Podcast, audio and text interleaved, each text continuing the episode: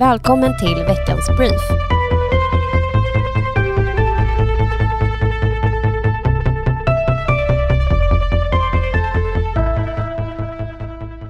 Finansregionråd Irene Svenonius, rättspolitiska talesperson Johan Forsell och finansborgarrådet Anna König Järlmyr skriver i en debattartikel att regeringen sviker stockholmarna i kampen mot gängen.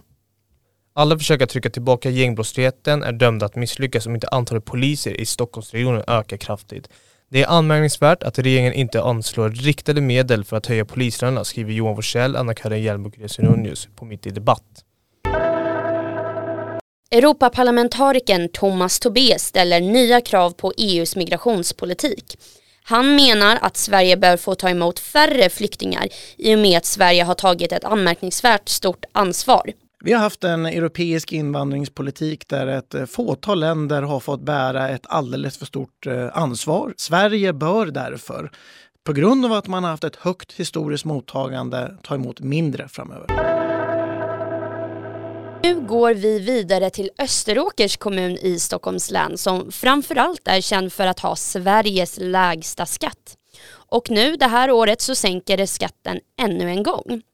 För att sätta det i perspektiv kan sägas att en person som tjänar 25 000 kronor i månaden innan skatt skulle betala 1 517 kronor mer i skatt varje månad om de bodde i Dorotea som har Sveriges högsta skatt istället för Österåker. Med oss för att prata om det här har vi Mikaela Fletcher, kommunstyrelsens ordförande i Österåker. Varmt välkommen! Tack så mycket! Nu sänker ni skatten igen, ligger på 16,90 kronor per intjänad hundralapp. Hur många gånger har du sänkt skatten egentligen? Oj, det vet jag inte, men jag vet att jag har sänkt med... Eh, sen, sen jag, jag har fått vara med och sänka skatten eh, med 2 kronor och 35 öre nu. Eh, så 1925 låg vi på 2010. Eh, och innan dess så eh, mellan eh, 06 och 10 så sänktes det med en krona. Nej, 04 och 10 en krona. Så 3,35 totalt sedan 2004. Ja, det är, det är mycket det. Och ja, sänkt skatt är ju bra för man får behålla mer av sina intjänade pengar och, och sådär. Men skatten går ju faktiskt till bra saker också som att finansiera skola och välfärd i en kommun och så. Ris riskerar du inte att dra ner på kvaliteten när skatten blir så låg? Tvärtom. Eh, det gäller att ha fokus på kärnverksamheterna och det som en kommun ska göra enligt kommunallagen. Och vi har, eh, till, alltså, till skillnad från de som säger att det, det inte går att sänka skatten eh, för att det är på bekostnad av kärnverksamheten och kvalitet, så har vi bevisat motsatsen. När jag började i kommunen 2006, 2007 så låg vi på 200 någonting av 290 i årskurs 9 slutbetyg. Nu ligger vi på topp 20 av 290. Det är inte gjort över ett år, det är inte gjort över en mandatperiod, men det är långsiktigt fokus på våra kärnverksamheter. Vi har sett till att ha Sveriges högst betal- bland Sveriges högst betalda lärare.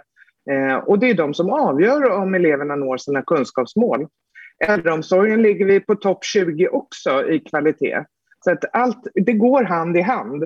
Och jag vet att Bosse Lundgren sa någon gång 2002, som han blev rätt förvånad för, att eh, eh, skattesänkningar har dynamiska effekter. Ja, det är ju vi beviset för. Verkligen. Men vad skulle du säga är nyckeln till att kunna eh, höja kvaliteten som Österåker har gjort, men samtidigt kunna sänka skatten? Det ser vi ju tack vare en inflyttning. De som flyttar in är också höginkomsttagare och eh, högutbildade. Eh, men vi har inte kommit upp i någon eh, skattekraft som gör att vi måste betala till utjämningssystemet. Vi har över 6 000 företag registrerade i kommunen på snart 48 000 invånare. Men det är fokus och det är en förståelse för vems är pengarna? Det är inte mina pengar. Jag gillar inte ordet satsningar. Nu satsar vi på det här och nu satsar vi på det.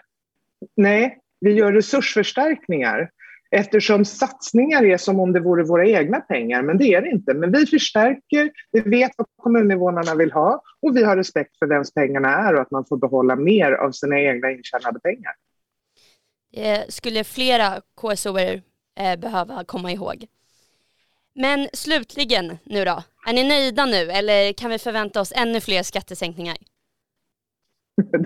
Det får väl tiden utvisa. Eh, vi har en väldigt gott och samarbete inom Alliansen, hög tillit och respekt för varandras olikheter. Och för eh, 2022 så gör vi ju eh, resursförstärkningar med över hälften av de 160, 160 miljonerna som vi ger mer för 22 jämfört med 21. Så vi får se.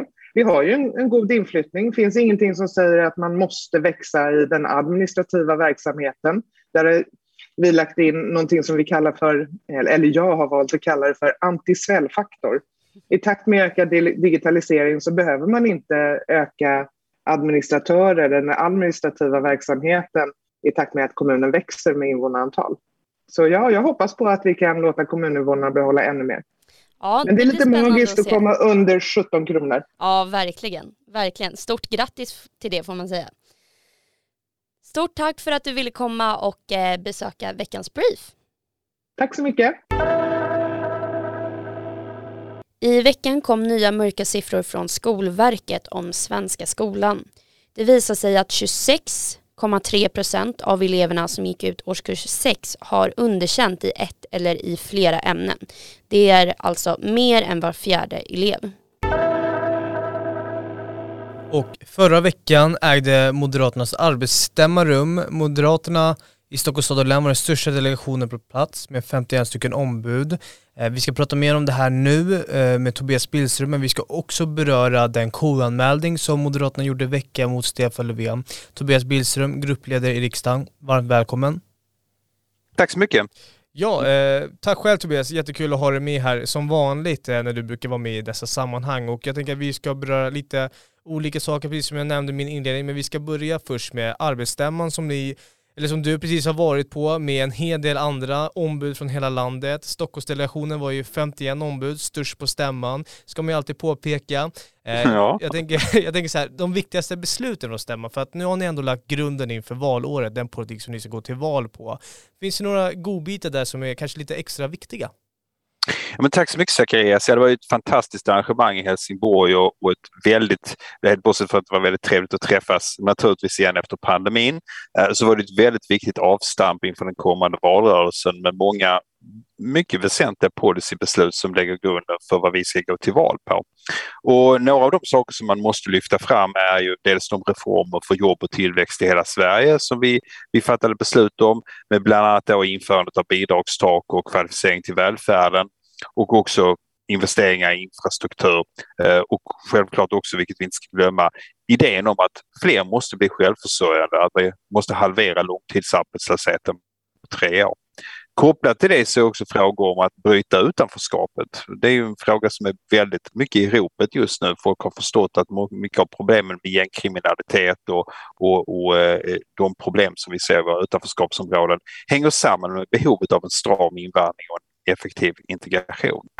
Och där fattas det också väldigt många viktiga beslut. Målet om att invandringen sammantaget ska vara bra för Sverige, att vi ska avskaffa EBO, att Migrationsverket ska skapa eh, boenden, det vill säga att samtliga asylboenden som kommer till Sverige ska bo på deras boenden. Se till att man genomför en folkräkning och återkallar samordningsnummer som man inte kan bekräfta och också satsa på att språkscreena redan på BVC och införa språkförskola för barn som inte kan tillräckligt svenska. Vi behöver också en skola som rent generellt ställer höga krav med lovskola och läxhjälp för elever som halkat efter. Mm. Sen får man inte glömma heller behoven av en, en grön höger, det begrepp som nu slutgiltigt lanserades på den här stämman. Eh, där vi ju verkligen då står upp för minskade utsläpp och för framtidens jobb. Eh, behovet om att värna den befintliga kärnkraften och se till att bygga en ny forskningsreaktor som kan lägga grunden för nästa generations kärnkraft står ut. Men också beslutet om att Sveriges skogar ska brukas fortsatt för, till nytta för klimatet och, och miljön, ge gruvnäringen bättre förutsättningar och också satsa på att elbilar ska kunna laddas i hela landet. Det finns ju en konkret målsättning som kom ut ifrån stämman. Alla bilar som säljs år 2030 ska vara utsläppsfria. Och det här var bara några av de här viktiga och angelägna besluten som fattades. Men eftersom det också var så att i samband med stämman så kom det här hemska mordet på Einar i Hammarby sjöstad så kan jag inte gå förbi de besluten som vi också fattade när det gällde att bekämpa brotten och återupprätta tryggheten. Jag tyckte det blev så symboliskt på något vis på stämman att, att just det mordet med de här långtgående konsekvenserna som det ändå får när, det, när, när våldet kommer så nära många familjer där barnen har lyssnat på den här musiken och det här begreppet gangsterrap och vad vi måste göra åt bildsättningen av glorifieringen av kriminaliteten också kommer att spela roll. De besluten som fattades på stämman handlade mycket om att ge polisen nya verktyg för att stoppa gängkriminaliteten. Visitationszoner, anonyma vittnen, proaktiv avlyssning men också att förbjuda deltagandet i kriminella gäng. Se till att utreda en sänkt straff straffmyndighetsålder, införa ungdomsfängelse ungdomshäkten och se till att flytta ansvaret för unga som begår grova brott till kriminalvården. Och självklart också stora makrobeslut, skapa en ny brottsbalk med fokus på brottsoffer och samhällsskydd snarare än gärningspersonen. Den mm. gamla brottsbalken har väldigt många decennier på nacken. Och slutligen också skapa ett nytt polismål som ska grunda sig på polistätheten snarare än ett bestämt antal poliser. Mm. Och det här Zacharias var ett axplock då. Jag kör igen ganska hastigt. Naturligtvis var det många omfattande debatter och, mm. och omfattningen på politiken är också mycket större än vad jag kan ge på bara de här korta minuterna. Men det här är det viktiga tycker jag som kom ut av stämman. Mm. Om man vill se hela stämman så, så finns det ju på SVT Play eh, för den som verkligen vill gå på djupet och kolla alla debatter och så vidare.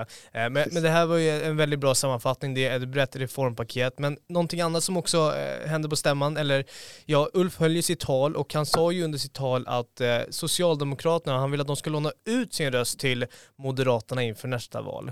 Så socialdemokrater ska då gå till vallokalen nästa år och istället för att ta en socialdemokratisk valsedel till riksdagen ska de istället ta en moderat. Mm. Var, varför sa han det Tobias? Jo, Ulf vände sig i talet direkt till dem, inte socialdemokrater ska man komma ihåg, utan socialdemokratiska väljare väljare som tidigare har valt Socialdemokraterna men som nu ser att efter åtta år av styre med det partiet så är Sverige på väg i fel riktning. Och han underströk att man som sådan väljare kanske inte delar vår uppfattning, Moderaternas uppfattning i alla delar. Det kanske finns delar där man skulle vilja se saker och ting lite annorlunda.